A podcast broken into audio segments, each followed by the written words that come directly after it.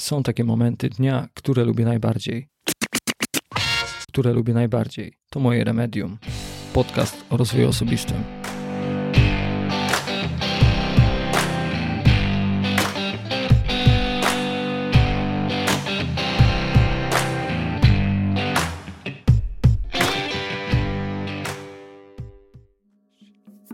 Więc skoro wszystko wypełnia miłość, tutaj też powołam się na zasadę trzeciej dynamiki Newtona, że każdej akcji towarzyszy reakcja. Więc jeżeli ty masz miłość w sobie, to nie ma możliwości, żeby z ciebie pochodziło cokolwiek innego, jeżeli jest czysta miłość. To dajesz czystą miłość do otoczenia. A jeśli masz nienawiść, to na tej samej zasadzie nie znasz miłości. Dlatego też warto sobie zdefiniować pojęcie miłości i nienawiści. Najłatwiej według mnie jest to zrozumieć, jeżeli odniesie się do, to do czynów codziennych. Gdy miłość interpretujesz pod postacią dnia codziennego. Jak się zachowujesz, powiedzmy, gdy wstajesz, co mówisz do siebie, czy witasz dzień z radością, czy sobie myślisz, znowu muszę iść do roboty. Gdy jesz śniadanie, to czy jesz to śniadanie spokojnie, czy na szybko, bo ci się wszędzie spieszy. Gdy też właśnie się człowiek spieszy, to te potem jelita to czują, inaczej jest to wszystko trawione.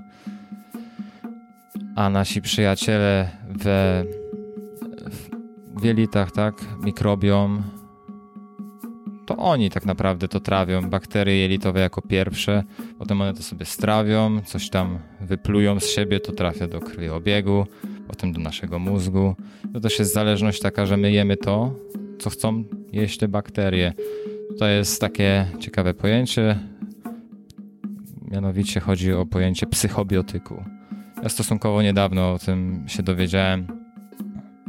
Psychobiotyki to są probiotyki, które czyli te bakterie występujące naturalne w jelicie, które mają bardzo dużą komponentę wpływania na układ nerwowy. Sensie mam na myśli ten sposób pozytywny i korzystny. No ale wracając do tej miłości, chodzi po prostu o codzienne czynności, w jaki sposób je wykonujemy. I mam tutaj też takie ciekawe pytanie. Mianowicie chciałbym usłyszeć od Was w komentarzach, co jest antonimem, czyli właśnie przeciwieństwem słowa interesować się. Chciałbym, żebyście podali dwa antonimy. Czyli wyrazy przeciwstawne. Tak. Bo synonimy to bliskoznaczne. Tak, dokładnie. Często myślimy, wiemy, słyszeliśmy o tym, że warto jest być miłosiernym, ale jeśli tak na dobrą sprawę przeanalizujemy nasze dni, dzień, dzień po dniu, często jesteśmy w stanie zauważyć, że tej miłości w nas nie ma. I kierują nami inne, często takie uczucia, których się wstydzimy. No i pojawiają się kolejne zapętlenia. Terapia psychodeliczna ma bardzo duży potencjał, żeby uświadomić sobie prawdziwe nasze motywy postępowania w dniu codziennym. Ogromny. Wracając właśnie do tych plusów i minusów, to jeśli chodzi o, o te minusy, to największym z minusów może być zjawisko flashback. Gdy nie dokończymy danego doświadczenia w tym momencie, kiedy ono się zaczęło, bo potem będzie nasz umysł do tego wracać no i może wrócić w nieodpowiednim momencie, jak na przykład będziemy prowadzić samochód. I może wydarzyć się nieszczęście. Jeśli chodzi o kolejny minus, no to przeświadczenia, jakie panują w społeczeństwie i wrzuca się to wszystko do jednego wora i najczęściej daje na to etykietkę słowa narkotyki, a z narkotykami kojarzy się nam heroinista, który leży w slumsach. Co jest jeszcze minusem? No właśnie w związku z tym, że tak to wygląda, to kadra naukowa ma związane ręce, jeśli chodzi o prowadzenie badań naukowych nad tym, bo one zostały zawieszone wtedy, gdy pan Nixon zrobił psikusa, to zostały zawieszone w zasadzie na kilkadziesiąt lat. Staram się teraz ciągle no, dążę do tego, żeby móc prowadzić takie badania tutaj kliniczne w Polsce. Ale jeśli chodzi o drogę, no to jest dużo papierów, które trzeba pokonać. Jeśli chodzi o takie typowe działania fizjologiczne, często może się tak zdarzyć, że podczas takiej sesji psychodelicznej organizm będzie chciał wypluć te emocje, pozbyć się z tego, może dojść do wymiotów, do biegunki, tak? Może dojść do właśnie nadmiernych napięć nerwowych, żeby przekroczyły ten moment, gdzie doznają rozluźnienia. I tak jak tutaj rozmawialiśmy o tych egzorcyzmach, mogą się dziać takie rzeczy, że aż ciężko jest w to uwierzyć, że jest się w stanie wygiąć na przykład w taki łuk. Takie rzeczy mogą mieć miejsce podczas doświadczeń psychodelicznych. Dlatego to zabawa w ten sposób, no to, to już jest całkowicie no, wiadomo jak to wygląda, ale pod okiem profesjonalisty można wiele, wiele z tego wynieść korzyści. Samemu można się przestraszyć takich reakcji, no i najczęściej wtedy się to hamuje. Ale jeśli chodzi o to, o spowodowanie śmierci, jeśli już mówimy o przyjmowaniu jakichś substancji, bo jest też szereg sposobów fizjologicznych, właśnie za pośrednictwem stymulacji nerwu błędnego, to jeżeli chodzi o te substancje, to nie, nie są znane mi przypadki śmiertelne. Poza tym, że ktoś właśnie na przykład wyskoczył z okna, bo zaczął myśleć, że może latać. Czy coś jeszcze z minusów? Hmm. No, hmm, trudna dostępność. No i obecny też, mimo tego, że występuje prohibicja, no to naturalne jest, że będzie też występował czarny rynek. Minusem jest też to, że ludzie, którzy się decydują na to, często nie mają pojęcia tak na dobrą sprawę, jeśli kupią coś od dealera, co to jest. I można sobie zaszkodzić, bo przez delegalizację, nazwijmy to bardzo nieładnie, narkotyków, doszło do stworzenia dopalaczy. A jeśli chodzi o dopalacze, no to znane już są mi niestety śmiertelne przypadki zażycia dopalaczy. To już bardzo dużo też Ameryki nie odkryliśmy, nie? Bardzo dużo przypadków śmiertelnych zaburzeń, nieodwracalnych zmian w mózgu, przegrzania. Mm-hmm, no tak, to, to tak. już dawno, to już kilka lat, odkąd tylko się te dziwne rzeczy pojawiły i ludzie je przyjmowali, to, to straszne tu, tu są Zauważ też, że to by nie powstało, gdyby nie prohibicja, bo nie byłoby takiej potrzeby. No to po prostu jest obejście prawne. Też, też nie trzeba szukać winnych jakby... W... No nie. Są pewne środki, które mamy łatwo dostępne, a możemy je użyć dobrze albo źle. Dokładnie. Wracając jeszcze do tych minusów, no na ten moment nie przychodzi mi nic więcej. Więc może teraz wróćmy do plusów, że jesteśmy w stanie właśnie przepracować największe traumy z dzieciństwa, nawet z życia transpersonalnego, które zostały zakodowane w naszym kodzie genetycznym, zażegnać konflikt raz na zawsze. Bo tak na dobrą sprawę, jeśli chodzi o inne narzędzia psychoterapeutyczne, bo to już jest właśnie pewien rodzaj psychoterapii, nic nie ma tak dużego potencjału leczniczego i najczęściej jest to, no tak jak Ci wspominałem wcześniej, jedna albo dwie takie sesje wystarczają jest problem rozwiązany na zawsze, czy to problem depresji, czy to problem alkoholizmu, czy nikotynizmu. Więc plusem jest też szerokość zakresu działań, tak? Na wiele różnych takich zmagań psychicznych to jest w stanie pomóc. Posłużę się tutaj też hipotezą historyczną, ale wszystko wskazuje na to, że tak było, że gdyby nie właśnie psychodeliki, te zawarte w grzybach, to teraz byśmy sobie nie siedzieli i nie rozmawiali, bo nie wykształciłby się ośrodek Broca w mózgu. Dlaczego? Też to dzięki nim zapewne zdominowaliśmy Neandertalczyków. Przez doświadczenie synestezji jesteś w stanie wytworzyć dźwięki w głowie podczas takiej sesji, no w tym przypadku, gdy nasi przodkowie jedli grzyby, słyszeli różne dźwięki i starali się je zaartykułować. To przyczyniło się do rozwoju, do rozwoju mowy. Dlaczego Homo sapiens, a nie Neandertalczyk? Ma to związek z wibracjami kości. Czaszka Neandertalczyka i jego mózg był cięższy, tam około 2 kg ważył, a my mamy 1400, więc to też predyspozycja genetyczna nas do tego skłoniła, że to my wykształciliśmy mowę, a nie oni. A teraz, paradoksalnie, przez to, że wykształciliśmy sobie mowę, to kierujemy się tą lewą półkulą, a ta prawa nie dochodzi do głosu, czyli ta, która działała, więc no, świat jest pełen paradoksów. Jeśli chodzi jeszcze o korzyści takiej terapii, no to długotrwałość efektów i bardzo tanie koszta. Na taką terapię jest w stanie sobie pozwolić praktycznie każdy. Dlatego też że średnio by byli chętni do finansowania takich badań. Wiesz, człowiek je leki przez całe życie albo przez większość życia, wystarczy mu coś, co weźmie sobie kilka razy albo raz, to majątku z tego nie będzie. Samochód, który się nie psuje. No właśnie.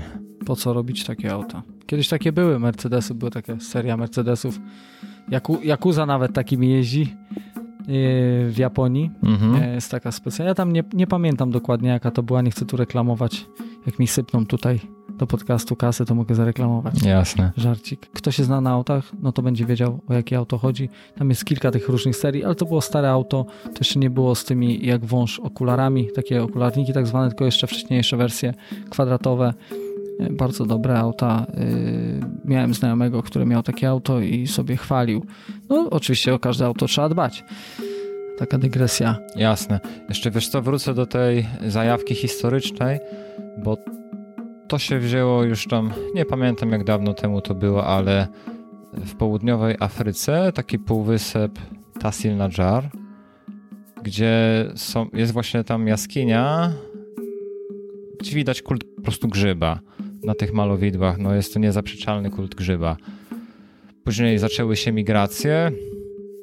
Przenieśli się mniej więcej w okolice Azji Mniejszej, Eufrat Tygrys. Wiesz, yy, zmieniały się warunki pogodowe. Ciężko było. Mm, ciężko było sobie hodować, znaczy no w sumie to naturalnie pozyskiwać te grzyby, więc ludzie wpadli na pomysł konserwacji ich w miodzie a miód fermentuje. Tworzy się alkohol. Więc z czasem, wiesz, gdy się takie grzyby psychode, psy, psylocybinowe przyjmowało z alkoholem, no to ich działanie na mózg zmieniało się. Wzmożył się okres suszy, było jeszcze mniej, więc coraz bardziej to było yy, rozrzedzane na siłę alkoholu. I tak on stopniowo sobie właśnie wypierał kult grzyba i zaczął się pojawiać kult alkoholu. Misteria eleuzyjskie prawdopodobnie tam oni bodajże przyjmowali somę. Tak, to do tej pory jest zagadka, czym jest tak na dobrą sprawę soma. I ja się osobiście skłaniam do tego, że to właśnie były grzyby psylocybinowe, aczkolwiek niektórzy też uważają, że to być mógł muchomor czerwony,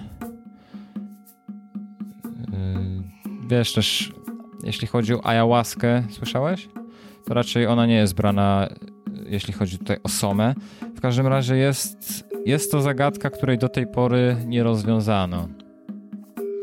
Niemniej jednak, wiesz, przez to, że to towarzyszyło od zarania dziejów, to z tego też powodu nie jesteśmy w stanie rozwiązać starożytnych zagadek cywilizacyjnych Aztekowie, Majowie, Stonehenge, piramidy, to wszystko ma no, zgodność z układem planetarnym. Jest nawet taka książka, której chciałbym przeczytać, Planety, a osobowość człowieka, kosmologia. No to jest całkowita abstrakcja, ale skłaniam się do wierzenia w tego, że ma to związek ze sobą. I wiesz, to też by tłumaczyło bardzo wiele te uwzględnienie po prostu tej kultury psychodelicznej w rozwoju człowieka tłumaczyłoby tu bardzo wiele zagadek, na które rzekomo nie ma odpowiedzi. A no, w szkole o tym nie mówią. Nikt o tym nie mówił. Starożytność była, trochę mitologii. No właśnie, ale raczej w nieciekawy sposób opowiedziana.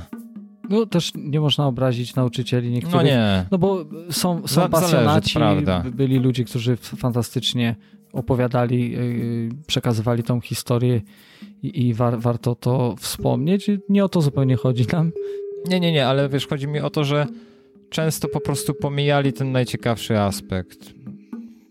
Myślę, że to mogło wynikać z niewiedzy, bo jednak W programie nie jest to ujęte i Tak. nie jest to wymagane, więc tak to możemy zamknąć. no i czasy tego nie sprzyjały mówieniu o tym. Zostało to zamknięte jako temat tabu, żeby nigdy tego nie otwierać już potem. I widzisz, tak jak były, było kilka takich rewolucji, któro, które wstrząsnęły światem. Najpierw był Kopernik, potem był Darwin, potem był Freud. Takie trzy wielkie rewolucje, które uświadomiły nam, jak bardzo jesteśmy egocentryczni, czyli wiesz, tak jak to powiedział Alan Watts, gdybyś sobie wyobraził siebie, że jesteś w stanie widzieć 360 stopni jak kameleon, to co jest w środku? No ego. Dajmy na to, że ego. To wiesz, A Kopernik, czy zaliczyłbyś Tesla, Tesla? który też dosyć dobrze nie skończył? No nie, no wiesz, najczęściej ci ludzie, którzy nie zgadzali się z poglądami, jakie panowały w ich czasach, no to byli szykanowani. Ale czy Tesla bym do tego zaliczył? Ale co on tak do końca miałby... Bo nie do końca wiem, w jaki on sposób miałby tutaj podważyć Chodzi o tą e- energię przekazywaną. Wiesz co, on na pewno przyspieszył rozwój cywilizacji. Nie dokonał wglądu bardziej w taką naturę człowieka. On.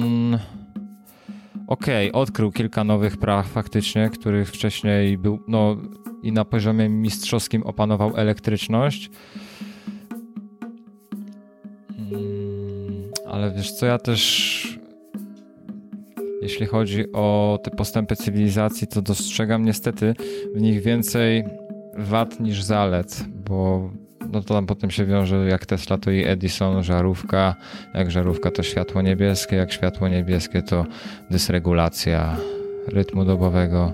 Są, są to, ja bym to nazwał tak, że mają wpływ i są to wpływy i komuś na tym zależy, żeby te wpływy oddziaływały Ja to no, na rozumiem. ludzi. No i to, to dąży do, do tego, że później jesteśmy rozregulowani, potem jest de, Tak. de, depresja.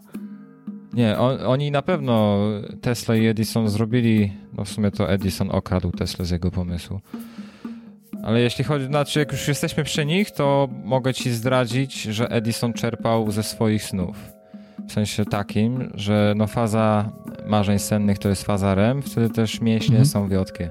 Edison sobie siadał z kulkami metalowymi na, na fotelu, ustawiał wiadro metalowe. Gdy wchodził w fazę REM, pojawiały się marzenia senne, on wiotczał, upuszczał te kulki i wiesz, wtedy gdy śnisz, czas płynie zupełnie inaczej. Mhm. I on wtedy, gdy te kulki uderzały, to go wybudzały wtedy, kiedy on był w tej fazie REM i on stąd czerpał inspirację. Taki protip, jak ktoś chce zmienić świat. No nie mam kulek. Kurczę, nie wziąłeś parę? No nie wziąłem, niestety. A też słyszałem o czymś takim jak, y, dajmy na to, przewodnictwo, czyli czerpanie. Też, też słyszałem o tym, że Leonardo da Vinci tak pozyskiwał jakby te pomysły jakby od innych cywilizacji, innych kultur. Da Tak Vinci? No Da Vinci też był... Nie tylko on, tylko te wszystkie osoby, które śniły te pomysły, które miały Tak. ze snów, że to jakieś moce poprzez sen, poprzez y, może wibracje No w to śnie, jest... No, to z częstotliwości przekazywały te Mhm. Chciałem też wspomnieć o tym, w jaki sposób mózg funkcjonuje. Alfa, beta, delta, teta. Beta to jest obecny nasz mózg, na nich działa, bo mamy otwarte oczy. A zacznijmy od urodzenia, tak przepraszam, ci wejdę słowo. Jakie fale y, dominują y, od momentu, kiedy się urodziliśmy? Przypuśćmy do tej trzydziestki, pojedźmy. Powiem szczerze, że nigdy nie patrzyłem na to w ten sposób, ale zaraz możemy y, zanalizować to w ten sposób. Tylko chciałbym ci po prostu powiedzieć, jak to wygląda fizjologicznie. Beta otwarte oczy, gdy je zamykamy, to są alfa. Częstotliwość się już troszkę zmniejsza, bo mniej jest informacji do zakodowania. Kiedy wpadamy w półsen, to te fale są jeszcze o mniejszych częstotliwościach. Delta to tam jest 3 do 4 Hz, a teta to jest 1-2 Hz, czyli bardzo wolna praca mózgu. Występuje podczas doświadczenia psychodelicznego, podczas snu y, i u, i u schizofreników, czyli paranoję. Tak, bo wiesz, tutaj też jest kwestia doświadczenia mistycznego, a psychotycznego, kiedy zaczyna się faktycznie, kiedy jest rozmowa z Bogiem, a kiedy zaczyna się obłęd. Warto też te dwie sprawy rozgraniczyć. Więc wiesz, jeśli chodzi, jeśli chodzi o noworodka, to ja bym się skłaniał do tego, że jeśli on jest tam w brzuchu matku, matki, jeśli jest w brzuchu matki, to z pewnością jest, są to fale teta i delta, czyli te najwo, najwolniejsze. No, gdy przychodzi na świat, zaczyna otwierać oczy, więc powinny się pojawić też te fale beta, ale powiem ci, że ciężko jest mi ciężko jest mi też gdybać, bo nie mam pojęcia w jaki sposób występuje jaki sposób ta energia się pojawia w mózgu, który jest całkowicie inny od mózgu dorosłego. Nie czytałem badań przeprowadzonych na noworodkach za pomocą elektroencefalogramu. Być może takie są. Mogę tego poszukać i ewentualnie później moglibyśmy poruszyć ten temat, gdyby udało mi się coś znaleźć na ten temat e, w tej materii. Ale wracając do Tesla i Edisona. Więc podsumowując, Tesla i Edisona przyczynili się bardzo mocno do rozwoju postępu technologii, tylko że oni poszli w kierunku fizy fizyki i elektryczności. A ja bardziej wymieniając Kopernika, Darwina i, i Freuda, miałem na myśli uświadomienie nam małości, małości człowieka, że tak naprawdę nie znaczymy specjalnie za dużo w tym świecie. Chociaż każde życie ma wartość i nie jest tak, że bez ciebie, beze mnie to po prostu wyglądałoby inaczej. Mimo, że jesteśmy mali, jesteśmy trybikami w zegarze, to jesteśmy istotni, ale mieliśmy wcześniej tendencję do przeceniania tej istotności. Pierwsze no to Kopernik, że Ziemia krąży wokół Słońca, a nie na odwrót. Darwin, że ewolucyjnie pochodzimy od małpy. Swoją drogą, Darwin lubił sobie wspomóc się opium. Więc gdyby nie narkotyki, opium to morfina, między innymi uśmierzająca ból, to nie doszedłby do tej teorii. No a Freud był zwolennikiem kokainy. O, uwaga, ćpuny! no właśnie. I też pokazał, że tak naprawdę no, spłycił człowieka do funkcjonowania popędów, tak? Do pierwotnych popędów. Mocno się ufiksował na seksualności, ten kompleks Edypa Elektry, no ale już dzisiaj nie chciałbym o tym mówić. Gdybyście byli zainteresowani, to y, w komentarzach coś tam napiszcie, więc ro moglibyśmy rozwinąć ten temat w innym odcinku. Zakończmy już właśnie tę detronizację króla, człowieka za pomocą tych trzech panów. Teraz Nieuchronnie zbliża się kolejna rewolucja. Myślę, że jak nazwiemy ją rewolucją psychodeliczną, to niespecjalnie się pomylimy. I troszkę z punktu typowo biologiczno-anatomicznego, jak wygląda działanie psychodeli. Jest to istotnie związane z tym nerwem błędnym, o którym już od, od jakiegoś czasu mówię. I intensywność psychode doświadczenia psychodelicznego zależy od wielu czynników, jak abstynencja seksualna, dieta, deprywacja, czyli pozbawienie się snu, pozbawienie się kontaktu z ludźmi, jest ich bardzo wiele. Można, można ich wymieniać dość, jest tam około 7-10, już do końca nie jestem pewien. W każdym razie można je sobie sklasyfikować i omówić, żeby to doświadczenie było jak najbardziej uzdrawiające. Wracając do tego nerwu błędnego. Po prostu podczas doświadczenia psychodelicznego, który między innymi można wywołać naturalnie za pomocą oddechu holotropowego, tutaj między innymi pan Wim Hof bardzo mocno ostatnio daje się we znaki. Zimne prysznice, morsowanie to jest również stymulacja nerwu błędnego.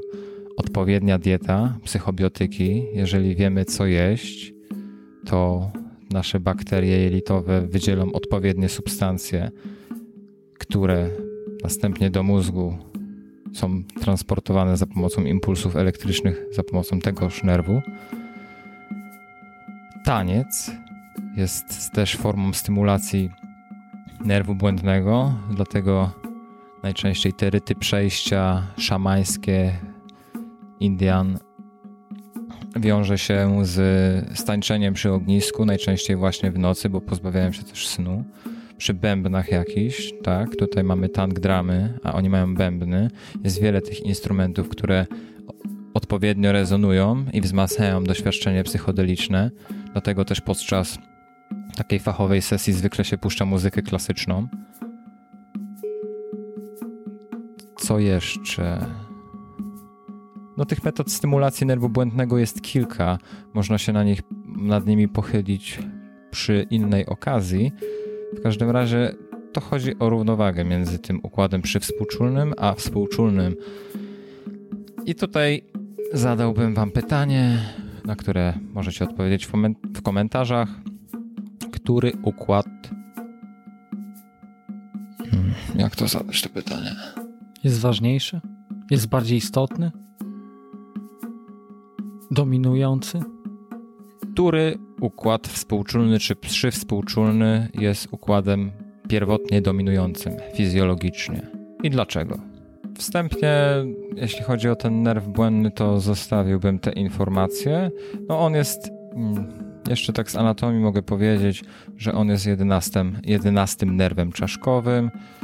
Tak, jeśli chcemy wy, wymienić kilka, no to pierwszy to węchowy, później drugi wzrokowy, później kolejne trzy odpowiadają za ruchy gałek ocznych, y, następny odpowiada za ruchy twarzy i czucie smaku, potem słuch, Także ich jest rzesza. Znaczy, no nie rzesza, bo 12 par, czyli 24 na jedną, jedno, na jedną i drugą stronę ciała, twarzy w sumie, no i nerw błędny, czyli schodzący niżej. Więc też moglibyśmy sobie kiedyś o tym porozmawiać, jeżeli byście wyrażali takie chęci. Mm, informacje z jelit do nerwu przez nerw błędny są transportowane do tak zwanego jądra pasma samotnego, a to jądro ma potem kontakt bezpośredni z układem limbicznym, tak, jądro półleżące, to między innymi też w jego skład chodzi ciało migdałowate, które odpowiada za emocje, lęk, agresję.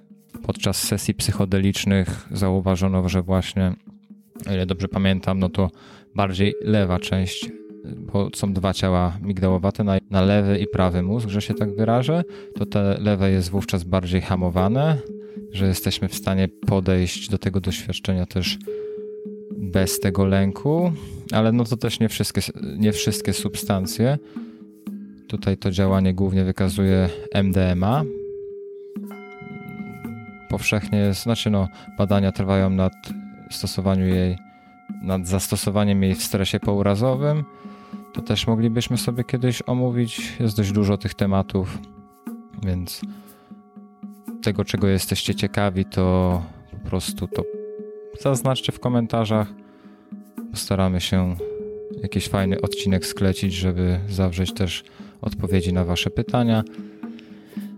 I podsumowując, właśnie myślę, że mógłbym to dać ostatniego takiego największego plusu doświadczenia psychodelicznego jak wcześniej wymieniałem, 7 tych 7 mm, stopni kontroli układu nerwowego albo ogólnie rozwoju świadomości. To doświadczenie psychodeliczne daje nam, pozwala nam przejść przez trzy ostatnie, a finalnie jesteśmy w stanie nawet władać czasem. Wtedy czas przestaje być dla nas liniowy i zaczyna być Możemy po prostu wybrać, w którym miejscu przestrzeni i czasu jesteśmy, miejscu i czasie chcemy się znaleźć. Tak jak tutaj właśnie Norbert tam w tej bitwie podczas dynastii Cornwall, o ile dobrze pamiętam. niektórzy nawet z tego, co tam czytałem, wracają do momentu, kiedy był tylko jeden atom, jeden proton. Więc to też musi być ciekawe doświadczenie, poczuć się tak, jakby po prostu istniał tylko jeden proton zamiast tego, co, co jest. No bo czas cały czas się rozwija, tak? Ciągle wszechświat się rozszerza. Doświadczenie psychodeliczne ułatwia nam panowanie nad czasem, w którym i z tym chciałbym Was pozostawić na ten moment żeby nie psuć, żeby nie psuć najciekawszego. Także specjalnie tutaj nie poruszyłem kwestii niektórych, między innymi ucieczki od wolności aż tak szczegółowo, jak to pisał From w swojej książce, tak zatytułowanej. Liczę na to, że zadacie takie pytania, które sam sobie zadałem i na które będę mógł Wam odpowiedzieć. Serdecznie dziękuję za uwagę. Pozdrawiam, życzę wszystkim jak najlepszego, produktywnego, szczęśliwego życia. Bartosz, twórca projektu DN Axon. Dziękuję Ci serdecznie, Bartku.